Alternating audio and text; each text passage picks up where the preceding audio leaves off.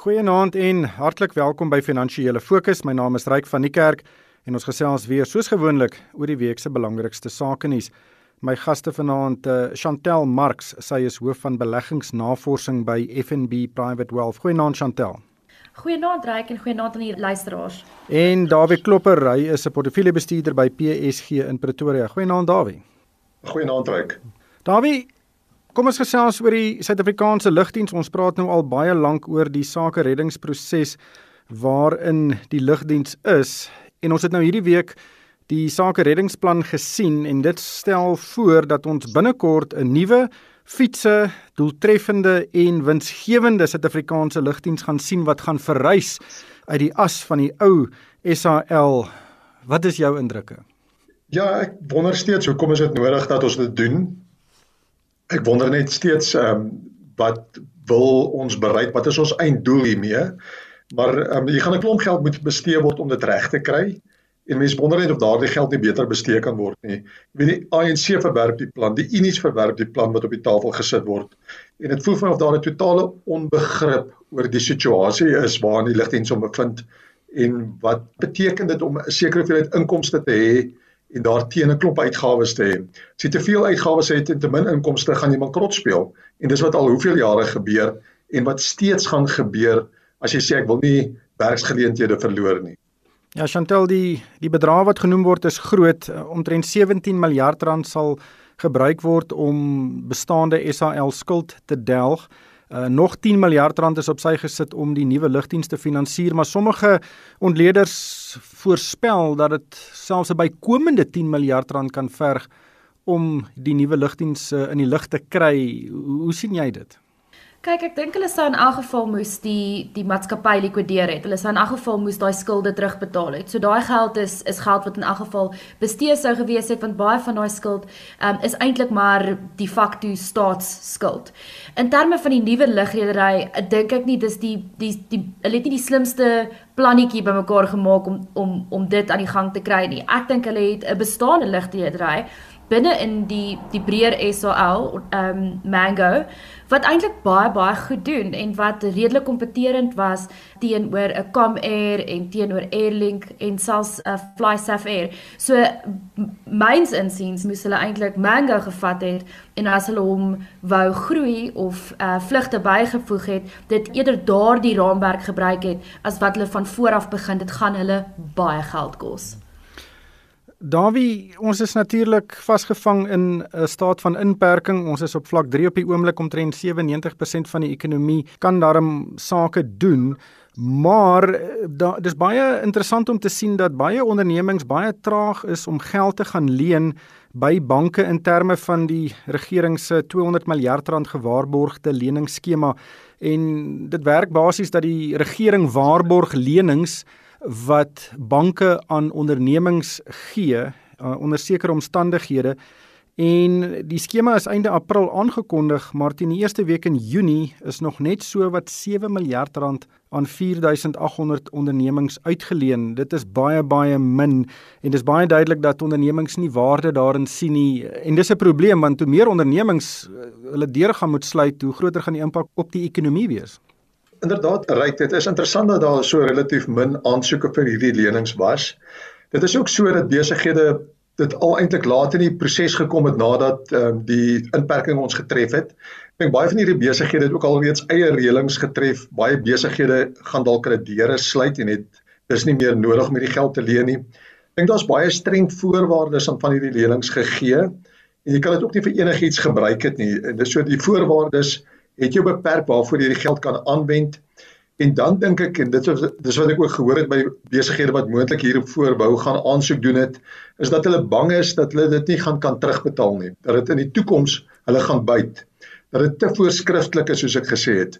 En in die proses van voorskryf wat jy kan doen met die geld, um, bereik dit nie die doel wat dit wil bereik het nie. Dat die mense wat die geld wil gaan leen en die risiko vat om dit te leen, self besluit wat hulle met die geld wil doen ek dink ehm um, mense gaan mos nie net self toesien dat hulle uiteindelik hulle eie toekomstige kredietwaardigheid in die wiele ry deur deur nie die geld terug te betaal as hulle dit enigstens kan verhelp nie.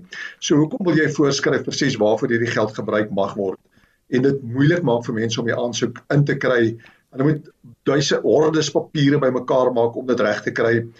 Dit is groot klomp um red tape um regulasies wat hieraan verbonde is. En ek dink dit is die deel van die probleem dat die regering alles wou beheer het en hulle moes dit maar net eenvoudig en hulle het sekerlik probeer doen eenvoudig aan die banke oorgelaat om die geld uit te leen en die banke moes besluit het om dit te doen. Mense sou ook wou gehad het die banke moes dalk 'n bietjie meer aggressief in hierdie proses die geld uitgeleen het aan besighede. Ja, die voorwaardes na wat jy verwys is, ek wil nie sê drakonies nie, maar dis baie streng. Die entrepreneur moet self persoonlike waarborge verskaf vir die lening. Die geld mag net gebruik word om salarisse te betaal en en huur te betaal en ook sekere verskaffers te betaal. Die maatskappy mag nie dividende uitkeer in die tydperk nie eh, en en baie ondernemings werk net nie so nie die dividendstruktuur is daar vir ander doeleindes.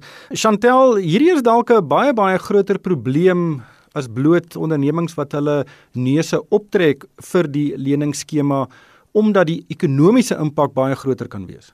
Ja, kyk ek dink wat wat mense hier sien sien mense ook in die gelyste ondergelyste maatskappye.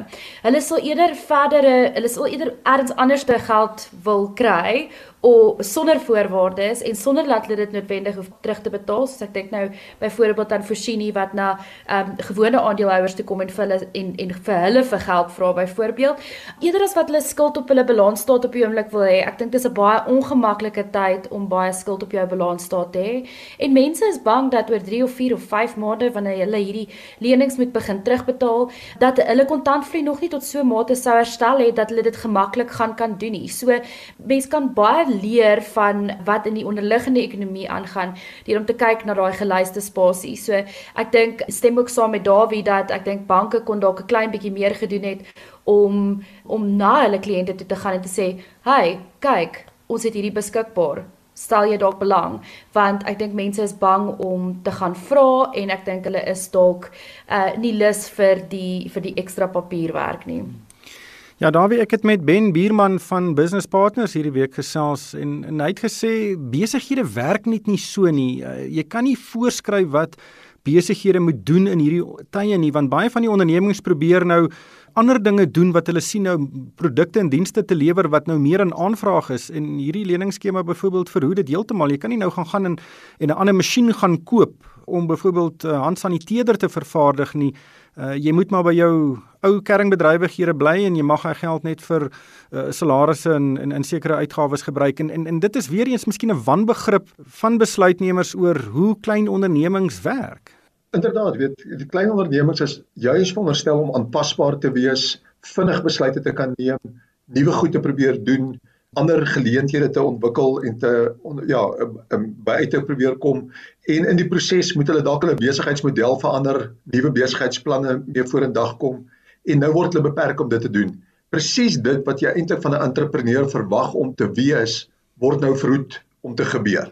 So die dit is jy maar net weer 'n keer as 'n regering of 'n staatsamptenaar vir jou probeer voorskryf hoe jy jou sake moet bedryf, dan werk dit nie.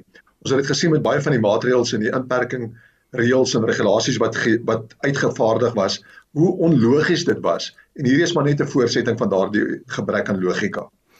Chantel, kom ons gesels oor 'n hele paar maatskappy aankondigings. Ongelukkig meeste van hulle het te doen met werksverliese. Edcon het uh, vir sy 22000 werknemers briewe gestuur en gesê daar kan daar afdankings wees. ArcelorMittal het dieselfde gedoen. Cell C wil omtrent 1000 mense afdank. Die SABC self uh, wil 'n paar honderd mense afdank. Uh, Sasol het ook 'n verklaring uitgereik en gesê hulle is besig om aggressief te herstruktureer. Hulle wil koste sny van 35 miljard rand en hulle gaan ook werknemers afdank. Uh, ek dink dit gaan ook 'n tema wees vir 'n hele paar maande uh, in die toekoms in. Ja, ek dink wat meeste van hierdie maatskappye probeer doen tydens 'n 'n redelike moeilike tydperk is om lean and mean te word. So baie van hierdie maatskappye sal byvoorbeeld ongelooflik baie mense in diens neem um, in hulle hoofkantore. Ek dink Sasol is byvoorbeeld 'n baie goeie voorbeeld van dit. En op die einde van die dag as as daar ekonomiese druk is, moet hulle moet hulle addisionele kostes sny en van daai kostes is ongelukkig stafkostes. So op die einde van die dag dink ek die impak van die van die werksverliese hang ook baie af uh van watter vlak van werksverliese ons van praat. So as dit sê net maar by hoofkantoor is en dit is mense met bietjie meer vaardighede behoort hulle weer werk te kry wanneer die ekonomie uh bietjie optel want ons ook 'n massiewe vaardigheidstekort in Suid-Afrika. Maar werksverliese onder minder geskoolde werkers is is 'n groot groot probleem want daai verliese word baie keer permanent en um dit kan dan ook verdere probleme van 'n sosio-ekonomiese perspektief af veroorsaak. So mense moet dan maar kyk hoe hierdie uitspeel, maar ek dink ons gaan aanhou meer van hierdie tipe van aankondigings uh, sien en ja, dis dis baie ongelukkig. Ja, en dis aankondigings van groot genoteerde maatskappye, hulle moet hierdie aankondigings maak. Uh, ek dink die bloedbad is ook uh, onder kleiner ondernemings dalk baie groter Eh, maar daar's nou nie opskrifte daaroor sover nie. Dawie net Sasol spesifiek, Sasol se probleme spruit nie net uit COVID-19 uit nie en daar is baie baie spekulante wat met die aandeel 'n bietjie uh, te kere gaan. Die aandeleprys is regtig uh, wisselvallig. Wat dink jy van die aankondiging oor die herstrukturering en wat dit sê oor die balansstaat en die finansiële gesondheid van Sasol? Sasol probeer vooruitkykend wees in hierdie proses, weliswaar. Ehm um, dit is sodat hulle te veel skuld op hulle balansstaat gehad het en dat hulle projek in Amerika wesentlik hulle die besigheid onder druk geplaas het. Projek het baie duurder gekos. Dit het ehm um, groot klomp skuld tot gevolg gehad op hulle balansstaat en hulle sou dit in elk geval moes aangespreek het. Soos jy reg gesê het, alreeds voor die um, pandemie uitgebreek het, was dit 'n probleem geweest. Dit is verrassend en dan natuurlik het hulle nog te maak met die randprys van olie as 'n belangrike prys in hulle lewens. So hierdie klomp goede teen hulle gewerk, te veel skuld, die randprys van olie wat skerp gedaal het, niks wat hulle kon oor beheer uitgeoefen het in die verband nie. Maar feit van die saak is dit het 'n impak gehad op Sasol se winsgewendheid en sy solvabiliteit ook sekerlik aan mens daarbey voeg. So hulle sal moet dan planne maak soos hulle dan nou reg besig is om aan te kondig om hierdie situasie te beredder eintlik as te ware is verras dat die aandeleprys in hierdie omstandighede wat heers so skerp herstel het nadat hy baie skerp natuurlik hier um, laat maart vroeg april gedaal het. Chantal, jy's die hoof van beleggingsnavorsing by FNB. Ek is seker julle kyk uh, onder 'n groot vergrootglas na Sasol. Indien Sasol se bestuur dit kan regkry om deur hierdie krisis te kom sonder om 'n regte uitgifte te doen, kan dit 'n geweldige loopie in hierdie aandeleprys seker meebring. Ja, definitief. Ek dink op die oomblik um, is die aandeleprys bietjie nader aan regverdig waardeer gegee word die feit dat ons nie weet of daar 'n regte uitreiking gaan wees nie. Ons glo nie daar gaan nie, ons glo nie dit gaan nodig wees op hierdie stadium nie. En as hulle doen wat hulle sê hulle gaan doen, dan is daar definitief nog waarde in die aandeel. As jy net gaan kyk na sy prysverdienste vir hierdie jaar, is dit redelik hoog. Dit is omtrent so hierso om en by 15 15 keer. Maar as mens kyk na oor 2 jaar, dan is dit onder 6 keer. Wat beteken dat die aandeleprys nog redelik goedkoop is relatief tot verwagte verdienste. So ja, ek meen dit alles hang af van die volgende paar maande, maar ek meen van ons perspektief af dink ons hulle kan dit dalk hulle kan dit dalk net doen. Dawie, net voor ons groet, ons gaan op die 24ste 'n baie groot aankondiging hoor van die minister van Finansies Tito Mboweni. Hy gaan 'n noodbegroting in die parlement ter tafel lê omdat die begroting wat ons in Februarie gesien het regtig akademies is en glad nie meer relevant is nie weens die veranderings wat ons sedertdien gesien het. Maar ons gaan 'n sogenaamde zero gebaseerde begroting sien wat beteken volgens Tito Mboweni dat daar weer na elke rand en sent gekyk gaan word en ook na behoeftes uh, waar die geld die nodigste is. Uh, die nuus gaan baie sleg wees. Ons gaan 'n groot tekort op die begroting sien. Ons gaan ook 'n 'n baie skerp stygings in die uh, verhouding van totale staatsskuld tot BBP sien. Uh, dit gaan regtig nie positiewe nuus wees nie, maar wat verwag jy? Inderdaad gaan dit 'n moeilike begroting wees. Die tekortverlenings in die rigting van 12%. Jy weet 3% is aanvaarbaar vir die mark daar buitekant. So 12% tekort is reusagtig hy praat van hy praat wel die regte goed. Hy praat van groei inisiatiewe. So as die begroting dan ingerig word, moet hy groei kan aanspreek as dit enigstens moontlik is. Ons sien dat die president Cyril Ramaphosa nie meer van groei praat om werkloosheid aan te spreek nie. Ons het net nou oor werkloosheid gepraat. Die enigste manier om werkloosheid in die in die land die hoof te bied is om ekonomie te laat groei. Maar vir hierdie begroting gaan die minister van finansies Tito Mboweni moet uitgawes sny. Ons weet hoe moeilik dit gaan wees om te praat van 'n zero-gebaseerde begroting. Beteken jy moet elke uitgawe kan regverdig, maar jy sit met 'n klomp uitgawes wat jy baie moeilik en ek dink veral in personeeluitgawes wat jy baie moeilik ontslaaf van gaan kan raak. Hierdie is 'n nuwe tydvak waar ons onsself in bevind. Die minister sê ons is armer as wat ons was. Ons moenie dink ons is meer 'n ryk land nie. Ons besef dit die land het nou al vir van 2013 af nie meer gegroei nie. Hierdie is 'n moeilike begroting wat vir hom voorlê. Dit gaan by verre die moeilikste begroting wees wat enige minister van finansies nog moes aanbied en dit gaan makliker gesê wees as gedaan om hierdie begroting van voor af op te stel en ons gaan geskok wees dink ek met die syfers wat ons sien. Ons moet niks positiefs hieruit verwag nie, maar miskien ten minste die regte geleide in terme van groei. Chantel, hoeveel suiker moet ons in ons suikerwater inmeng?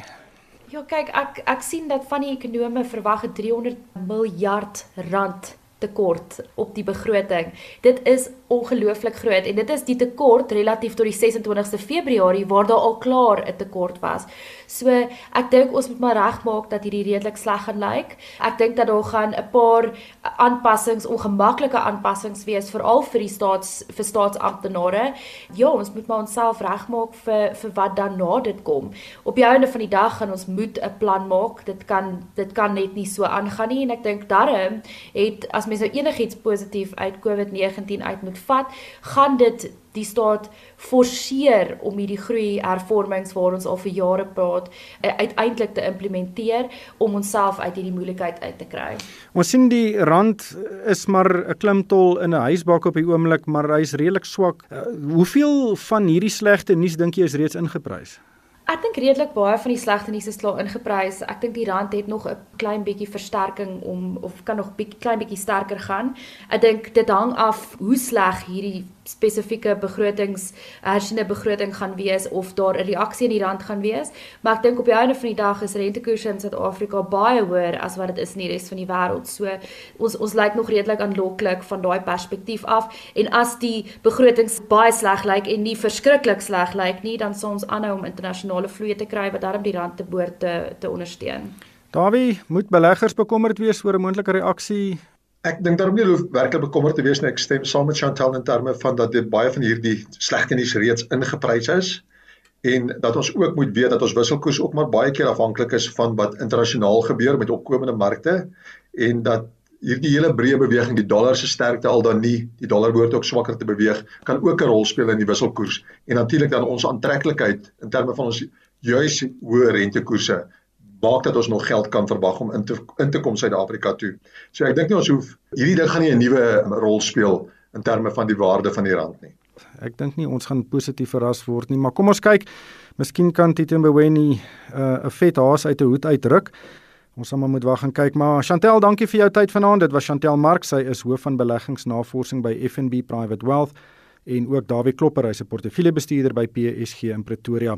En vir my ryk van die kerk, dankie vir die saamluister en ek hoop almal het 'n winsgewende week.